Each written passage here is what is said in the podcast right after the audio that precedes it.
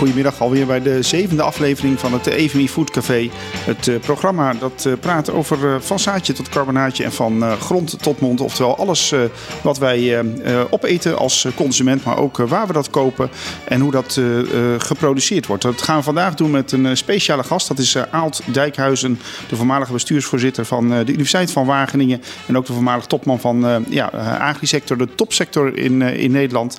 En ja, dat is iemand die wel eens, waarvan wel eens wordt gezegd, is een beetje van de oude stempel. Maar die weet eigenlijk ook uh, heel goed uh, ja, hoe, je, hoe Nederland uh, succesvol is geworden in, ehm, in de agrisector eigenlijk. En waarom Nederland ook zoveel exporteert. Maar de eerste gast is zoals altijd Peter Gastenveld, hoofdredacteur van DistriFood en Food Magazine. Goedemiddag Peter. Goedemiddag. Goedemiddag. Ja, we nemen altijd met jou het, eh, het eh, nieuws eh, door. Ik heb zelf ook het blad Distrifood voor me. Dat krijg ik iedere zaterdag gelukkig nog per post. Ook al zijn jullie tegenwoordig ook digitaal met onder andere Distrifood Daily. Maar ik vind het toch altijd zelf wel fijn om ook de papieren versie te lezen. Wat me opvalt dit keer is, er staat heel veel over Lidl in. Hè? Want Lidl is erg actief. Onder andere voeren ze tegenwoordig ook aanmerken zoals Heineken. Waarom doen ze dat?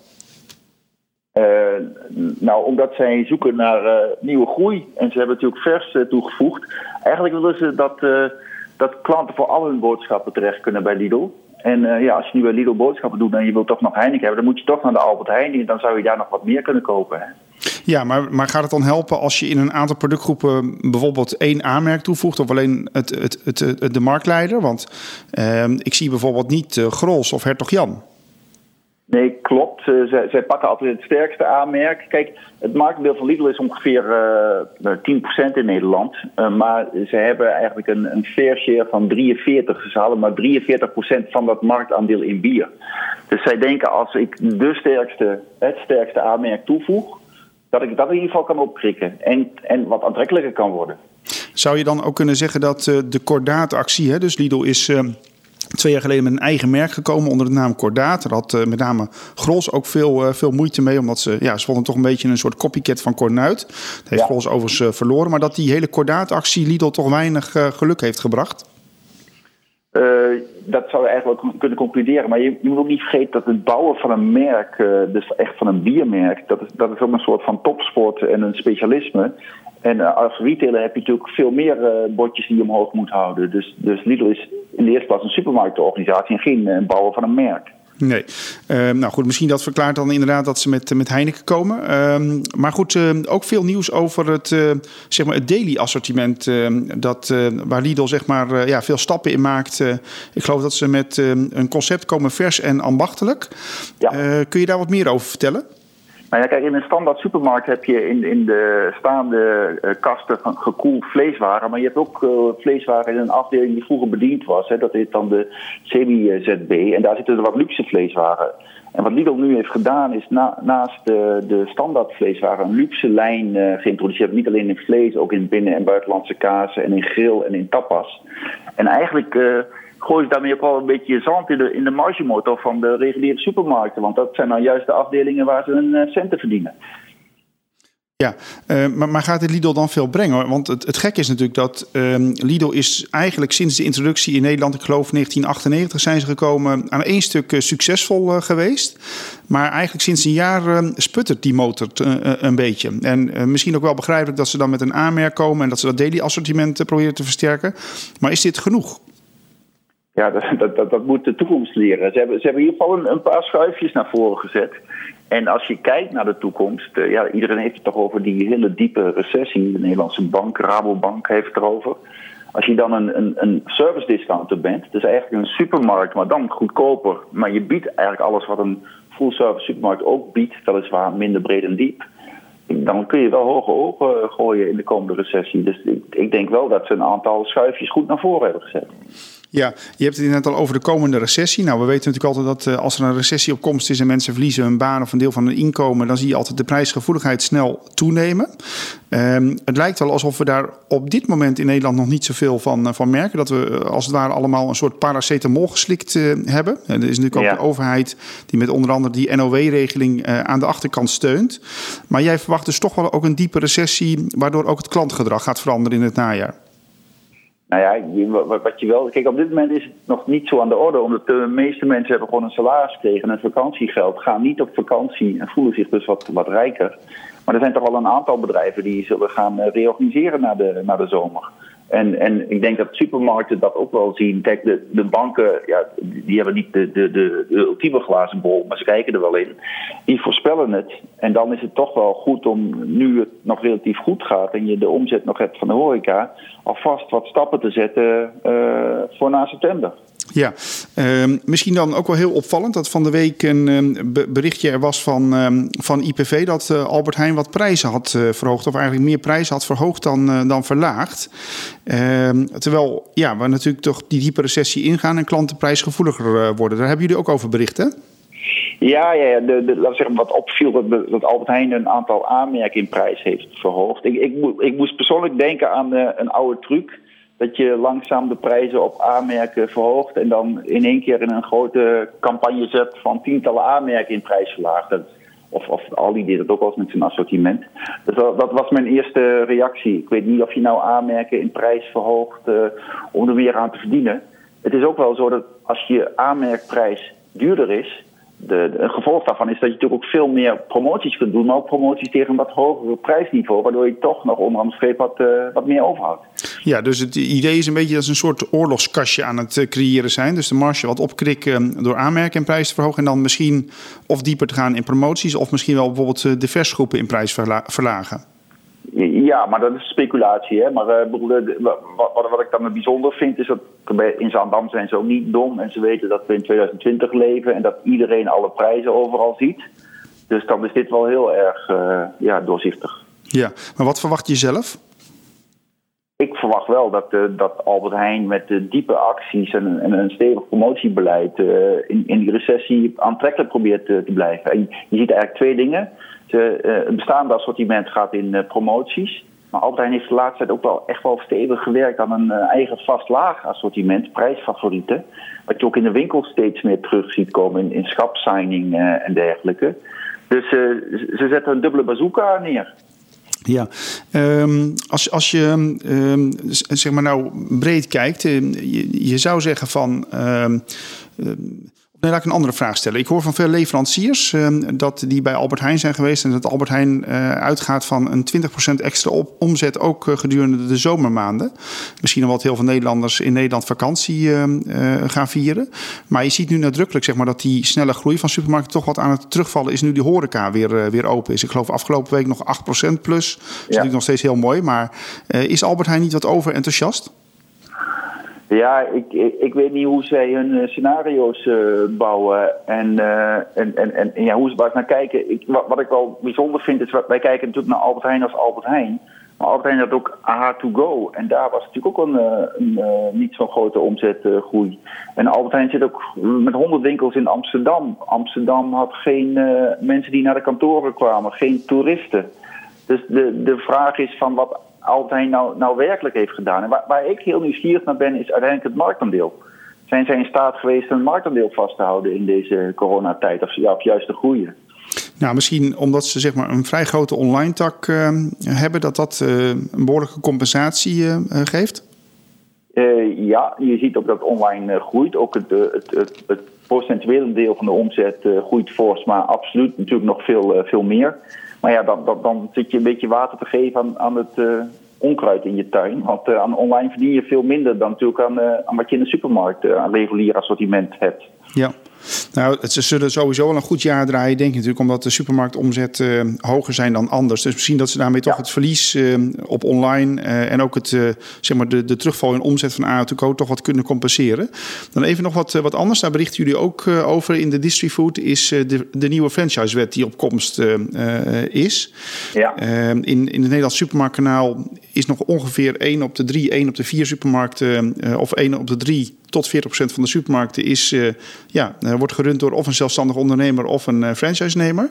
Ja. Ehm, die nieuwe franchise-wet die zal wat meer ehm, gelijkheid, zeg maar wat meer evenwicht in de machtsrelatie tussen franchisegevers en nemers brengen. Ja. Ehm, hoe, hoe, kijk jij er tegenaan? Nou, ik, ik, ik denk dat het hebben van een franchisewinkel ook vooral ook een zakelijke relatie is En dat je altijd als ondernemer kritisch moet zijn naar je formule en je hoofdkantoor. En, en, een voorbeeld is natuurlijk uh, Albert Heijn in de franchises. Uh, om maar een, een, voorbeeld te noemen. Dat Albert Heijn rolt echt vers uit. Het is een formule met heel veel beeldschermen in de winkel. Maar alle reclame op die beeldschermen, uh, die reclamegelden gaan naar Albert Heijn. En niet naar de ondernemers. Dus je moet altijd jezelf ja, in een stevige positie, onderhandelingspositie neerzetten. En die, die wet die, die, uh, die, die, kijkt ook vooral ook naar niet-supermarkten. Want supermarkten, daar is eigenlijk wel behoorlijk goed op orde. En die kijkt ook naar de subways en zo van deze wereld. En dan is het wel gezond dat daar een gezonde relatie, een zakelijke relatie is. Ja, maar, maar goed, ehm, in, in de nieuwe franchisewet eh, staat ook dat de franchise-nemers ehm, zeg maar, bij majeure formuleveranderingen ook moeten instemmen. Of ik geloof twee derde of, eh, of meer. Dus, dus de franchise-nemers, zeg maar, de zelfstandige ondernemers, krijgen ook echt een, een, een machtspositie. Um, gaat dat uiteindelijk ook uh, op termijn dan effect hebben zeg maar, op, uh, ja, op de condities, uh, het conditiestelsel en het onderhandelingsresultaat dat, dat ondernemers naar zich toe kunnen trekken? Ja, weet je, uiteindelijk is dat uh, een, een ultiem uh, iets. Als, als je een goede franchisevereniging hebt, zit je nu al samen met je franchisegever uh, aan tafel. En, want je hebt natuurlijk ook een gezamenlijk belang. Dus op het moment dat je echt met, met de wet in de hand je op macht moet beroepen, dan zit er al iets heel erg fout in de, in de relatie, denk ik. Dus het is zaken, zakelijk om die wet meer als een, als een soort van vangnet te zien. Maar gewoon nu heel scherp zakelijk aan de wind te varen. Ja, dan nog even wat anders. Uh, Unilever heeft van de week bekendgemaakt, uh, juridisch gezien, het uh, hoofdkantoor louter nog in, ehm, in Londen te hebben. Eh, dat wordt toch wel een beetje als een slag gezien, ook voor ja, het kabinet in Nederland, wat, wat zo zijn best had gedaan om Unilever in Nederland te houden. Of in ieder geval dat het hoofdkantoor ook echt in, ehm, in Nederland zou komen.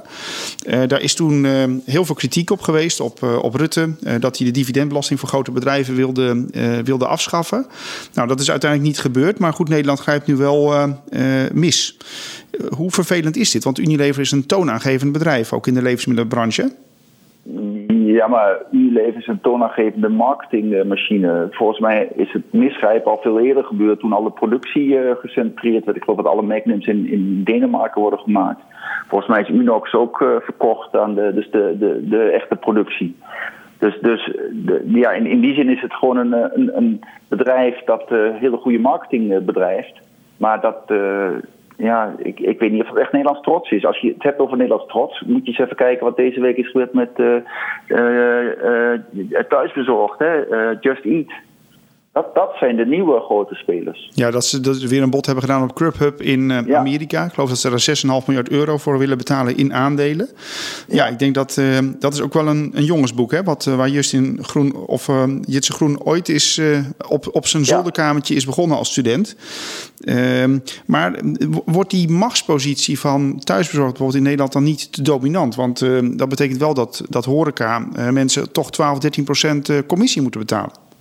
Ja, uh, klopt. Maar uh, uiteindelijk is het, uh, gaat het om het verdienmodel. En als het het oplevert, is het blijkbaar de moeite waard. Ja, maar het lijkt, het lijkt erop dat het alleen wat oplevert op het moment dat ze een soort monopoliepositie in een land weten te, te bereiken. Ja, maar het punt is een beetje dat, dat uiteindelijk zie je in, in heel veel markten in, in de mainstream één partij de boel pakken. Maar je kunt natuurlijk een heleboel differentiëren aan de onder- en de bovenkant. Ik heb de laatste tijd ook gewoon bij mijn uh, lokale restaurant uh, een uh, maaltijd laten bezorgen. En dan heb je het over gewoon als test 30 euro per persoon. heb je een viergangen menu wat je thuis kunt maken. Dat gaat helemaal niet via thuisbezorgd. Het gaat om dat je je lokale ondernemer wilt steunen. Ja, dus je zegt uiteindelijk maakt het wel zeg maar bezorging toegankelijker. En dat hoeft niet altijd via thuisbezorgd te gaan. Nee, want je, je kunt ook gewoon rechtstreeks contact hebben. Het ligt eraan wat je als ondernemer kiest. Ja, dan tenslotte uh, ook, ook veel uh, nieuws over Spar. Hè. Spar is toch één, uh, ja, ja, is lange tijd een beetje gezien als het lelijke eentje uh, van Supermarktland. een beetje saaie, oudbollige supers. Maar de laatste vijf jaar hebben ze een enorme slag gemaakt. Onder andere met Spar City en Spar Express. En het is nu zo'n beetje de snelst groeiende formule in, in Nederland. En ze komen nu ook geloof ik met een, een heel, heel klein concept. Hè. Winkels van minder dan 100 vierkante meter. Ik moet eerlijk zeggen, dat ik, ik zag daar de foto's van, ik zag het filmpje, ik dacht, oh, dat is een aha to go. En, en toen dacht ik, oh ja, slim. Waarom zouden ze daar niet instappen? Ja, zij zijn toch een beetje de specialist aan het worden in het uh, zeg maar convenience segment, zou je kunnen zeggen. Ja, we, zij zijn specialist geworden in convenience, maar ook in kleine, relatief kleine omzetten gekoppeld met een directe consumptie. En, en dat leren ze in die pompstations. Dus, dus dan zou je het heel goed kunnen uitrollen op die locaties waar, waar mensen komen. Het grappige is dat we hebben ook een uitnodiging voor een soort van mobiele spa maandag. En daar willen ze niks over zeggen. Maar toen ik dat hoorde, dacht ik van, oh ja, pak gewoon een foodtruck, eh, verkoop eh, koffie en, uh, en een to-go assortiment en ga daar staan waar mensen zijn. Dus niet de SAP-wagen, maar gewoon een convenience-wagen. Ja, eigenlijk volop vernieuwing in de, in de branche. Of het nou online is, of bezorging, of grote concepten zoals de Foodmarkt of de XL of hele kleine concepten. Peter, dank je wel dat je ons wilde, wilde bijpraten over alle ontwikkelingen in, in de levensmiddelenbranche. Oké, prima. Hey, fijn weekend. Ik was een kind, hoe kon ik weten dat dat voorgoed voorbij zou gaan? Ja, ons dorp eh, van Wim Sonneveld. Het blijft een eh, ontzettend mooi nummer. Vind je ook niet, uh, Oud Dijkhuizen? Ja, prachtig. Ja, het is misschien ook wel een beetje. Het refereert misschien ook wel aan een beeld van lang vervlogen tijden. Toen uh, het, uh, het agrarische landschap misschien ook nog wel een lappendeken was. Is dat, uh, is dat een vorm van nostalgie en romantiek die je tegenwoordig ook wel weer terugziet? Nou, ik, ik denk dat op, op alle vlakken mensen altijd wel een verlangen naar het verleden hebben, omdat dat steeds mooier wordt. Uh, in gedachten. Uh, maar dat geldt ook zeker voor de landbouw, ja. Dat uh, er toch wel veel gerefereerd wordt aan de zogenaamde goede oude tijd. Waarop die zo goed was, laat ik te betwijfelen. Ja, ik heb ooit een presentatie van jou gezien en die start je met een, een foto van een boerengezin, ik geloof 100 jaar geleden. En hoeveel die produceerde en hoeveel een gemiddelde boer nu produceert. En nou ja, ik geloof dat het inmiddels een, factor 100 is. Ehm, kun jij in het kort beschrijven zeg maar, welke grote ontwikkeling de landbouw heeft doorgemaakt de laatste 60, 70 jaar? Ja, nou, dat, in de eerste plaats is dat inderdaad de, de omvang per persoon hè, of per bedrijf wat geproduceerd wordt. Dat is, uh, dat is enorm in die, uh, in die jaren. Daar zit inderdaad een, een, een veelvoud tussen. Maar een tweede wat ook daaraan meteen gekoppeld is, dat het veel schoner en beter zijn gaan doen. Want doordat we veel meer uit een hectare of uit uh, uh, een melkkoe of uit uh, welk onderdeel ook weten te halen met de huidige kennis en techniek, hebben we ook veel meer, minder grondstoffen nodig en stoten we minder uit. Dus op het gebied van die uitstoot, of het nou CO2 is of, of stikstof of andere uitstoot, daar zijn we enorm teruggegaan. Dat is in de laatste 60 jaar ook nou, 50, 60, 70 procent schoner geworden per, uh, per kilo voedsel wat we produceren. En doordat we ook veel minder ruimte nodig hebben, ja, weten we met dezelfde oppervlakte veel meer uh, te doen. Dus wat dat betreft is er een enorme ontwikkeling geweest in de, in de laatste decennia.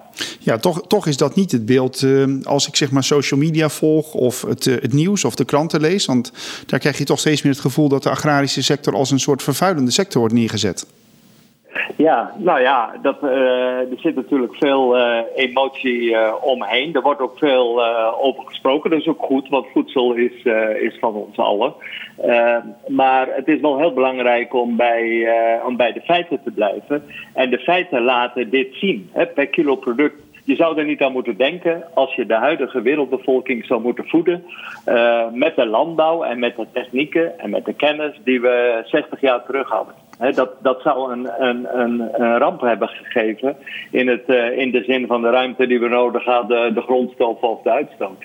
Ja, want, want wat uh, schets dat beeld is, hoe, hoeveel meer grond uh, zouden we nodig hebben, zeg maar, als we nou, met, met minder productieve methoden ons voedsel zouden produceren?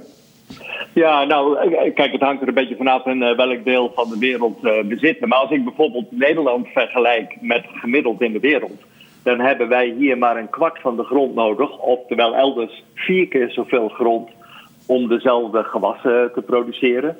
En uh, als je denkt aan, aan zuivel, wat we veel als dierlijk eiwit uh, drinken of uh, eten, dan is dat, ja, heeft men elders een, een, per koe die wij hier hebben, twee tot drie koeien nodig om hetzelfde te produceren. En denken we aan varkens en kippen, dan is dat elders ook twee keer zoveel of iets meer dan twee keer zoveel.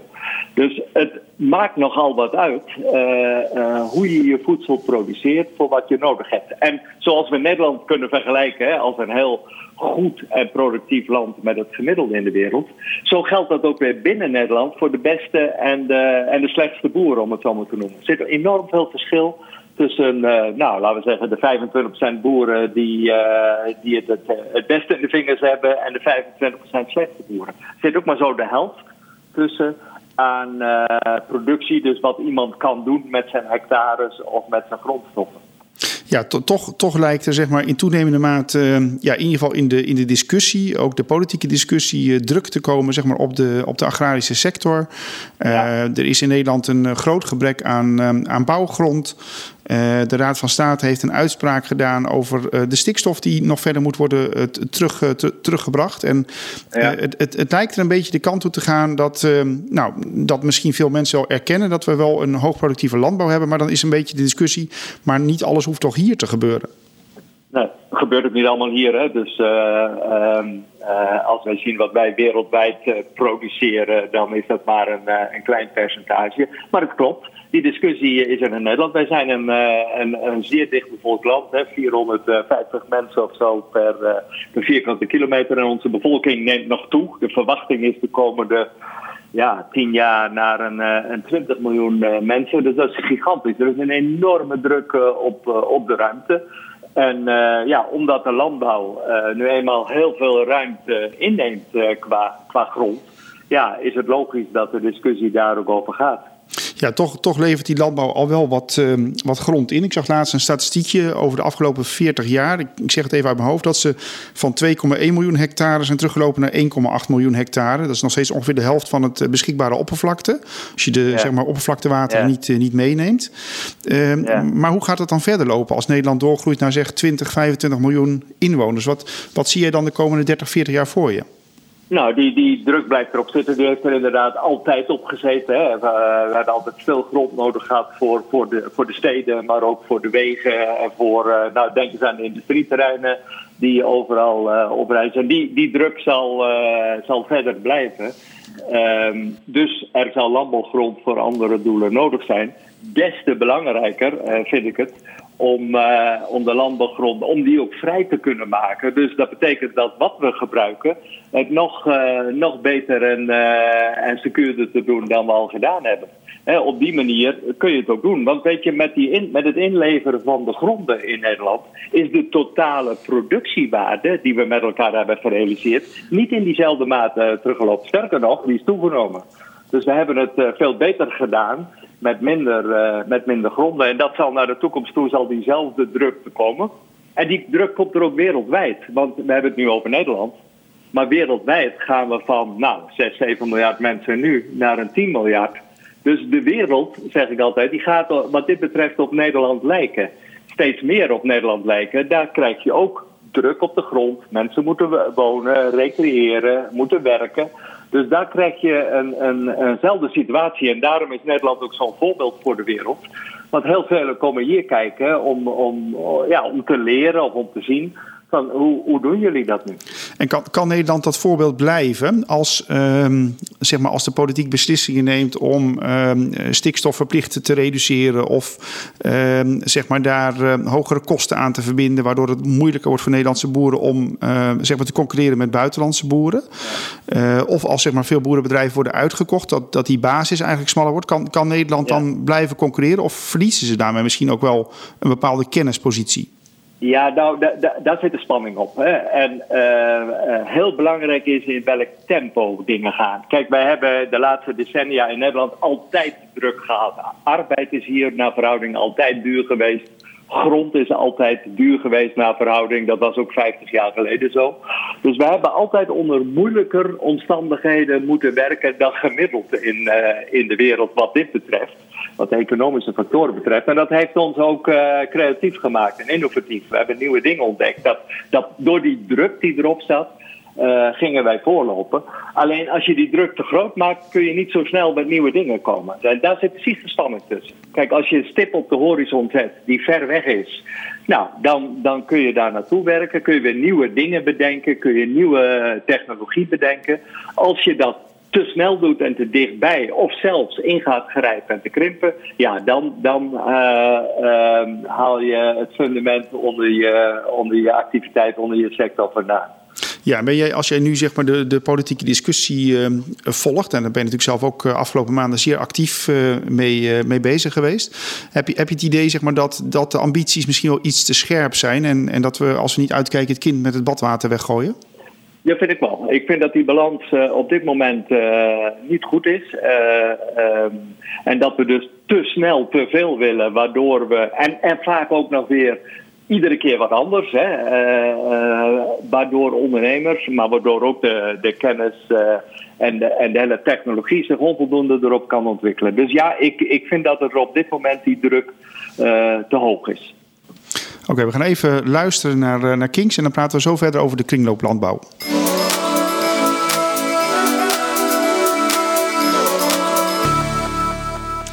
Ja, we praten verder met uh, Aalt Dijkhuizen, een van de wereldwijde experts op het gebied van uh, landbouw. Um, ja, Aalt, voor de, uh, voor de plaat van Kings hadden we het al even over zeg maar, de, de hoge productiviteit van de Nederlandse landbouw. Misschien wel de hoge productiviteit ook van de Europese landbouw. na de Tweede Wereldoorlog is natuurlijk ook een beleid geweest om ja, eigenlijk ervoor te zorgen dat er nooit meer een tekort aan voedsel was. Dat heeft ook wel geleid tot veel massaproductie en lage prijzen, waardoor boeren misschien ook wel te weinig verdienen. Klopt dat? Um, zeker geldt dat voor een groot deel uh, van de boeren de verdiensten te laag liggen. Of dat één op één aan, uh, aan het beleidsvoornemen, zo, uh, zoals je dat uitgesproken hebt, gekoppeld is, vraag ik me af. het is ook inherent eigenlijk aan, ehm, aan de manier waarop, waarop zo'n keten eruit ziet. Kijk, de boer heeft daar niet de, de sterkste onderhandelingspositie, want er zijn heel veel boeren. En uh, andere schakels in de keten, die, die bestaan uit minder bedrijven, om het zo maar te noemen. Dus ja, dan, dan heb je altijd een wat, wat slechtere positie daarin om je, om je uh, marktmacht of uh, bij, te, bij te zetten. Een tweede is, uh, ja, het is gericht op, op goedkoper voedsel. voedsel voor iedereen. Um, maar als je naar de Europese sector kijkt, dan vind je ook wel verschillen daarin. Hè. Een bekend voorbeeld met de Parmezaanse kaas of, de, of de, de hammer die er zijn. Er zijn natuurlijk wel, wel specifieke merken. Maar de consument is daar ook niet zo op uit. De consument is niet zo op uit. Het is een heel klein deel die echt in, de, in het voedsel uh, op, op specifieke toegevoegde waarde en merken uit is. Dat is in kleding wel, dat is in auto, dat is uh, auto's en dat, dat is in de, in de IT of in, in wat ook. Maar in voedsel zit dat er gewoon niet zo sterk in. Maar zouden we niet moeten streven naar meer emotie zeg maar, in voedsel? Want het is toch soms ook best wel een rare situatie dat je 80 cent voor een pak melk moet betalen. Ja, waar, waar heel veel werk voor is gedaan om dat te produceren. En dat anderhalve liter Coca-Cola 2,18 euro kost. Ja, Nee, maar dat, dat klopt. Alleen, uh, ja, er zijn minder uh, Coca-Cola-producenten dan dat er boeren zijn. En dat, ja, dat, dat is er uh, aan gebakken. Kijk, als de hele landbouw één groot bedrijf was als Coca-Cola, dan zou dat anders plaatsvinden.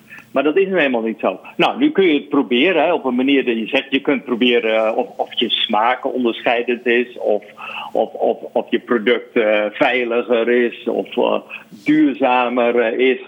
Of, um, um, of inderdaad beleving eraan toevoegen. Maar er was net ook nog weer een onderzoek deze week, uh, Europees breed.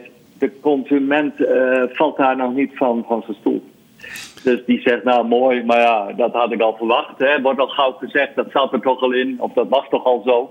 Dus het is ontzettend moeilijk om, om daar iets extra's uh, uit te krijgen. Ook, niet, ook met beleving. Dat is altijd maar een hele kleine groep die, eh, die daarop inspringt. Hè, een paar procent van de consumenten. Nou, dat is meegenomen. Hè. Laten we het ook niet kleineren. Hartstikke goed.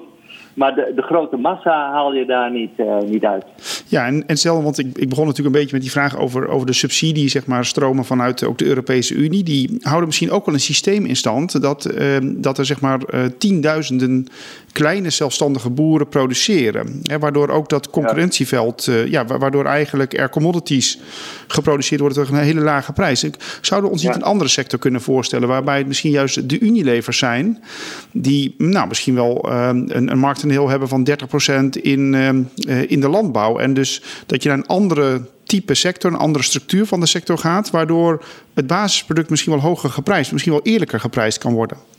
Ja, ja. Maar goed, we hadden in, het begin van de discussie over de emotie. Nou, waar nou echt emotie op zit, is als je een, een boerenbedrijf wat groter uh, wilt maken. Want juist is die kleine boer, die sluit aan bij dat liedje van, van uh, Wim Sonneveld uit het verleden. En de grotere boer, die, die, die heeft al een stap, uh, staat die achter bij, in, de, in de discussie. Dus, maar stap voor stap gaat het natuurlijk wel die kant op. Stap voor stap neemt die schaal toe. En stap voor stap kun je meer doen. En weet je, dan, dan krijg je ook leveringsmogelijkheid. Uh, of dat je met elkaar wat combineert. Want als een retail een apart concept in de markt wil zetten. en het slaat aan. dan moet hij wel uh, volume kunnen krijgen. en een constante levering kunnen krijgen. Want even iets doen maar weer uitverkocht te raken, ja, daar bind je de consument ook niet mee. Dus ja, uh, als je naar een wat grotere eenheid gaat, maar uh, afzeteenheid, dat helpt wel in, uh, in je onderhandelingspositie en in de prijzen. Ja, maar eigenlijk zeg je dat, hè, dat in de open markt zoals het nu is, gebeurt dat eigenlijk al op een soort natuurlijke manier. Dat de meer succesvolle boeren die schalen op. en daarnaast hebben we natuurlijk ook de coöperaties die daar een rol in kunnen spelen. Ja, ja. Dan gaan we nu eigenlijk over op het onderwerp kringlooplandbouw. ja, er zijn best wel veel politici nou, die daar hoog van opgeven. onder andere minister Schouten. Uh, maar ja. ook uh, een, een, een, een Tjeer de Groot van, van D66 bijvoorbeeld. Veel politie ja. van GroenLinks. Um, het idee van kringlooplandbouw, dus dat je in kringlopen denkt... of dat nou lokale kringlopen zijn, nationale of internationale... is op zich geen slecht idee, hè? Nee, dat, uh, dat denk ik zeker niet. En uh, je hebt ook heel veel voorbeelden in, de, in die landbouw waar je de kringloop al behoorlijk kunt uh, uittekenen, om het zo maar te noemen. Als, ik naar de dieren kijk, dat, dat vergeet we wel eens, maar het varken is bijvoorbeeld het meest uitgesproken kringloopdier. Hè, wat die niet meer aan voedsel uit de voedingsindustrie, afval, reststromen, uh, weer verwerkt tot, uh, tot voer. Dat is enorm. Hè? En daar weer een uh, product uit doet. Dus, dus nee, het is geen slecht idee. Er gebeurt, dat gebeurt al heel veel. maar er zitten ook heel veel kanttekeningen bij. En wat, wat, wat is een grote kanttekening die jij daar persoonlijk bij hebt? Nou, weet u, het is, het is tot nu toe nog een containerbegrip. Uh, men noemt het, maar men definieert het niet goed. Ik heb dat ook wel vaak gevraagd. als jij een kringloop op een hele kleine schaal sluit, hè, bijvoorbeeld op het gebied van een plaats of een gemeente of een provincie, ja, dan, dan, dan, dan kun je behoorlijk je, jezelf het moeilijk maken, omdat je die kringloop daar niet gesloten krijgt. Als je de kringloop wereldwijd definieert, dan denk ik dat je, dat je daar heel veel mogelijkheden in hebt. Dus die harmonica, hoe ver die uitgetrokken wordt, van, van heel lokaal tot uh, Europees tot wereldwijd, dat maakt sterker uit van, van welke productiemogelijkheden je daarbinnen hebt. En uh, ja, wat, wat ik jammer vind is dat het, uh, als het over kringloop gaat, er heel veel woorden gebruikt worden. Ik heb nergens een goede doorrekening gezien. Van wat betekent het nou als we nou het ene doen of het andere uh, doen? En wat houdt dat in en wat kost dat? Of welke stromen moeten we verleggen? Um, ik vind dat het daaraan ontbreekt. Dus voordat we er echt een goed oordeel over kunnen vellen, moeten we ons niet op woorden van een minister of van een politicus uh, moeten baseren. Maar vind ik echt dat we daaraan moeten rekenen. Ja, nou is er een uh, taskforce verdienvermogen ingesteld onder leiding van ja. uh, Hester Maai. ja, ik wou zeggen Maai ja. Maar dat was natuurlijk de moeder, Hester Maai. Dat was de moeder, ja. ja. die, die hebben een uitgebreid rapport geschreven over, over verdienmodellen. Dus ze zijn daar wel mee bezig. Maar jij klinkt nog niet overtuigd. Nou, nee. En kijk, en, en wat ik bij heel veel zie, dat is ook wat een Thierry de Groot zegt. Die zegt, nou doe het maar en het komt goed. Ja, uh, vergeet het maar. Je, je zit in een open markt. En het is maar zo niet dat die consument één op één dan ook voor jouw product kiest. En, ehm, eh, dus je kunt wel minder produceren en gesloten, maar als die consument toch zegt, ja, ik heb liever, uh, ik heb meer waarde aan andere zaken, aan, aan prijs of aan andere dingen. Niemand kan het uh, hem of haar verbieden. En ik denk dat die concurrentie om de consument alleen maar toeneemt. Als ik denk aan e-commerce, dan kunnen we producten overal vandaan halen. En die, die, het idee dat we dat lokaal wel even kneuterig met elkaar in elkaar kunnen zetten en iedereen blij, daar geloof ik niet in. Nee, dat, dat vraagt natuurlijk eigenlijk alleen maar meer grond. Maar laten we nou eens kijken naar een grote internationale uh, kringloop. Hè. Er komt heel veel uh, sojaschroot vanuit ja. Brazilië, zeg maar, richting ja. Europa. Ehm, ja. Daar worden onder andere veel varkens meegevoerd. koeien krijgen daar deels ook eten mee. Maar zou je niet kunnen zeggen, nou, ehm, zeg maar, de, de, wat, wat koeien en varkens, de emissie daarvan, onder andere de urine ehm, ja. wordt opgevangen. En dat gaat gewoon weer terug naar uh, Brazilië. En dat wordt daar op de akkers gegooid.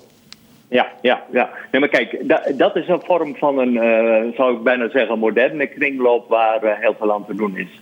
Uh, want je zou ook kunnen zeggen, nou, produceer het nou daar, hè, produceer daar die varkens en die kippen.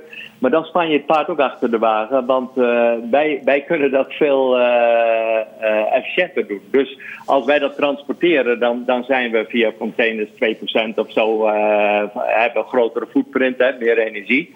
Maar wij produceren hier wel 10 of 20% efficiënter. Dus dat verdienen we makkelijk terug. Alleen het klopt, wij blijven hier met mest en uh, urine zitten. Nou, dat is nou, uh, vind ik, dat we als landbouw met elkaar te lang hebben, uh, te weinig op in hebben gezet. Want er is technologie in de markt. En, en er zijn ook nieuwe, initia nieuwe initiatieven om dat op een goed, uh, goede manier te bewerken. Zodat je het vocht hè, als schoon water eruit kunt halen. Want ja, dat moet je niet transporteren.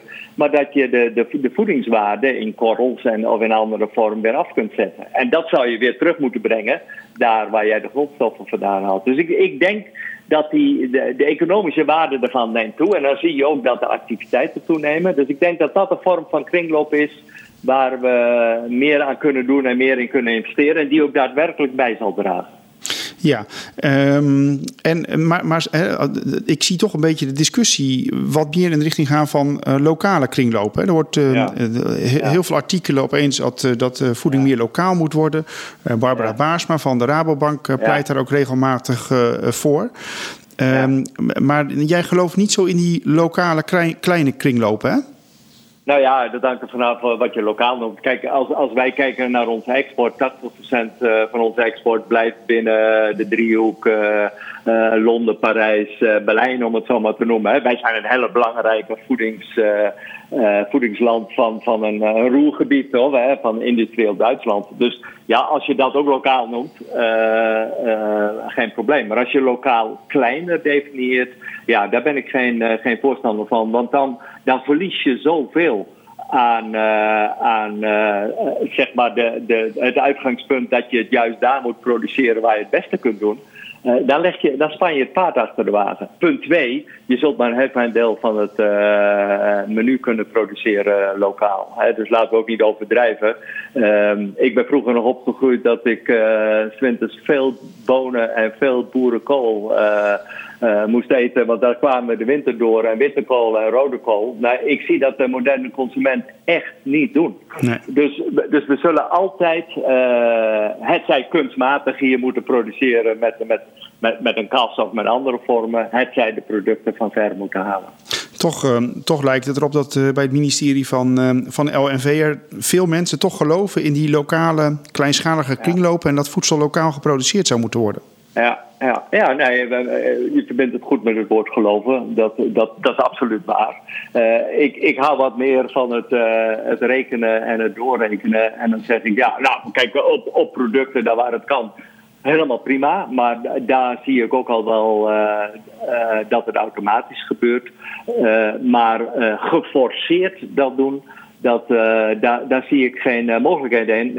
in. Sterker nog, ik denk dat we daarmee achteruit boeren als we, um, als, als we daardoor hier producten moeten produceren die elders beter kunnen. Kijk, we hadden het net over soja. Soja is groot.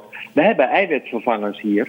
Maar dan hebben we voor dezelfde hoeveelheid eiwit zoveel meer grond nodig. Dat je denkt, ja, gegeven het feit dat we al veel grond uh, nodig hebben voor andere dingen, is dat dan een goede ontwikkeling. Dus ik, ik vind het steeds van belang dat we zoeken naar uh, de beste manieren om, om iets voor te brengen. En als dat een stukje verder weg is, dan is de, de prijs daarvan in uitstoot of in andere zaken vele malen kleiner dan uh, de prijs van het feit dat je, als je dichterbij doet, meer grond nodig hebt of zelfs meer uitstoot uh, veroorzaakt. Ja, want jij bent, je bent a priori niet een soort tegenstander van beprijzing, bijvoorbeeld CO2-beprijzing of stikstofbeprijzing, zolang dat misschien maar wel internationaal gecoördineerd is. Ja, en, en er ook een goede basis onder ligt. Kijk, het woord eerlijke prijs, daar geloof ik niet in. Uh, eerlijk, dat is, dat is, ja, is een markt eerlijk? Nou, een markt is hard. En, en een markt kan fluctueren. En ja, dat, dat is nou eenmaal het feit. Dus als je daar eerlijkheid in wilt brengen, nou, dat, is, dat zal je niet meevallen. Daar ben je hele leven aan het rekenen voordat je dat voor elkaar hebt. Uh, maar je, je, je kunt wel zeggen, als je systematisch dingen niet meeneemt. En die wil je niet door de belastingbetaler laten betalen. Nou, dan doe je hem hierin. Dat hebben we bij, bij, bij industrieproducten ook. Dan betaal je ook bijvoorbeeld voor een. Uh, als jij iets inruilt, dan betaal je voor het vernietigen van jouw apparaat of zo. Nou, uh, je kunt stukjes, stukjes kun je doen. Uh, dan ga je misschien wat richting eerlijkheid, maar een echt eerlijke prijs, die, die, die, die kun je niet vinden. Ja, als je nou kijkt naar eh, de stikstofregels, uh, die zijn in Nederland weer anders dan in Duitsland. Dus ja, onze boeren moeten eigenlijk weer aan andere vereisten voldoen dan ja, boeren in eh, zeg maar 300 kilometer verderop. Ja, ja. Um, de, de, die regels worden ook, ook verder aangescherpt. Er is een kwestie dat je eventueel extern zou kunnen salderen, dus met andere sectoren. Um, ja.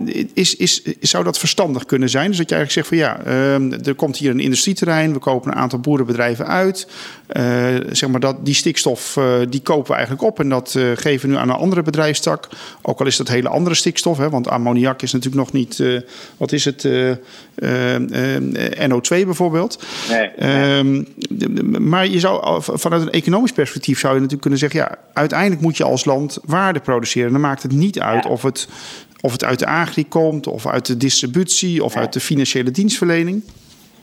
Nee. Kijk, als, als het uh, gaat om, om je welvaart hè, die je wilt creëren en banen die je wilt creëren en inkomen, dan, dan hebben we gelukkig meerdere bedrijfstakken. Hè. We hebben hier ook niet alleen uh, landbouw. Dus dan moet je wel dingen doen waar je goed in bent, die ook robuust is. Hè. Want ja, we hebben toerisme halen wij natuurlijk ook veel uit. Maar ja, dat is dit jaar even een flinke klap.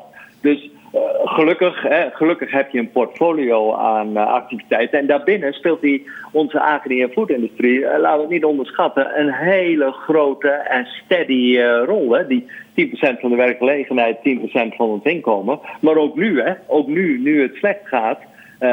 of, of de economie onder druk staat, laat ik het zo zeggen. Ehm, rijdt die trein wel door. Nou, um, Uitwisseling is er altijd geweest. Er, er, is altijd landbouwgrond uitgekocht voor eh, andere activiteiten, voor industrieterreinen. Daar zijn we nu ook niet mee begonnen. Je moet eens kijken hoeveel er ligt. Um, uh, maar de, de vraag is of je dat nu geforceerd, en dan komen we op het eerdere onderwerp terug, en versneld moeten doen, of een natuurlijk proces moeten laten gaan. Want als je het natuurlijk doet, dan kunnen de andere boeren, als die, als die weer capaciteit over mogen nemen, die kunnen weer um, uh, een stukje groter worden, een stukje efficiënter worden, nieuwe technologie toepassen, dan hou je ook in de landbouw de productiewaarde op peil. Maar als je die versneld uh, via extern salderen leegkoopt, ja, dan, dan heb je niet alleen een plus in de industrie, maar een dikke min in de landbouw. Ja, dat en is... dat, dat is jammer. Dat, en dat hoeft niet. Dat hoeft niet. Laat dat geleidelijk verschuiven. Dan, dan weet ik zeker dat het en-en kan. Dat je en meer industrie doet en ook meer uh, voedselproductie realiseert. Ja, maar kijk, boeren zijn natuurlijk ook, eh, of de meeste boeren zijn natuurlijk ook gewoon zelfstandig ondernemers. Um, ja. ja, als, als, als, hè, als er een buurman komt, dat kan een boer zijn, of misschien wel een recreatiebedrijf, ja. of misschien een gemeente die een wijk wil bouwen. Uh, die zegt: Ik heb 10 miljoen over voor jouw bedrijf en de grond. Uh, ja. ja. dan is het natuurlijk aan de boer zelf om te zeggen: Nou, dat vind ik een goede deal of geen goede deal. Absoluut, en dat is ook het individuele belang en het gemeenschappelijke belang. Maar het cruciale hierbij is, kijk, als de ene boer de andere boer uitkoopt, dan gaat die productiecapaciteit, in de zin van, van grond of bepaalde productierechten die erop zitten, die gaan mee. Die koopt die boer uh, die andere boer mee op en die kan er weer voedsel mee produceren. Als, je, als dat naar de, via extern salderen naar de industrie gaat of de overheid kopt het op, zoals nu bij de varkensbedrijven, dan ben je die productiecapaciteit kwijt voor eeuwig. Die mag niet meer gebruikt worden voor voedselproductie. Die wordt, die, die wordt uit de markt gehaald, om het zo maar te noemen. Die is weg. En dat is een fundamenteel verschil. Dus dat betekent dat de, andere boeren die overblijven, die, die hebben daar niks aan om, om daar hun bedrijf mee door te ontwikkelen. En dat is de gevaarlijke ontwikkeling. Ja, want dan zeg je eigenlijk, dan, dan versmal je de basis, maar dan versmal je ook de basis voor bijvoorbeeld een Friesland Campina of een Vion of bijvoorbeeld een Universiteit Wageningen waar hoogwaardig technologisch onderzoek wordt gedaan. Ja, wat, wat weet je, uiteindelijk, uiteindelijk uh, uh, heb je daar die fundamenten onder nodig. En, en niemand kan precies zeggen of nou uh, 1%, 2% of 10% of 20% minder waar, dat, waar nou een omslagpunt ligt. Maar één ding is zeker, hè, het gaat de verkeerde kant op. En, en je holt die instituten ook allemaal uit en die gaan op de duur weg. Kijk, wij zijn nu nog een land Waar ook, uh, nou, dat, dat geldt ook voor, voor de kennis en ontwikkeling en technologie uh, rond Wageningen. Mensen noemen dat de Silicon Valley van, van de voedselindustrie. Die komen hier hun RD-centra zetten en hun, hun investeringen doen. Als, als dat hier allemaal minder, kleiner en aflopend is dan gaan dat, soort bedrijven niet komen. Die zoeken een andere locatie uit. En dan rolt de bal de verkeerde kant op. En dan moeten we wel zeker weten dat we iets alternatiefs daarvoor hebben waarmee we ons geld verdienen. En anders worden we armer met elkaar. Ja, kun je ook voor kiezen. Maar ik denk niet dat de meeste mensen bewust eh, zullen kiezen om maar uh, achter te lopen in de vatenvolkeren wat dit betreft.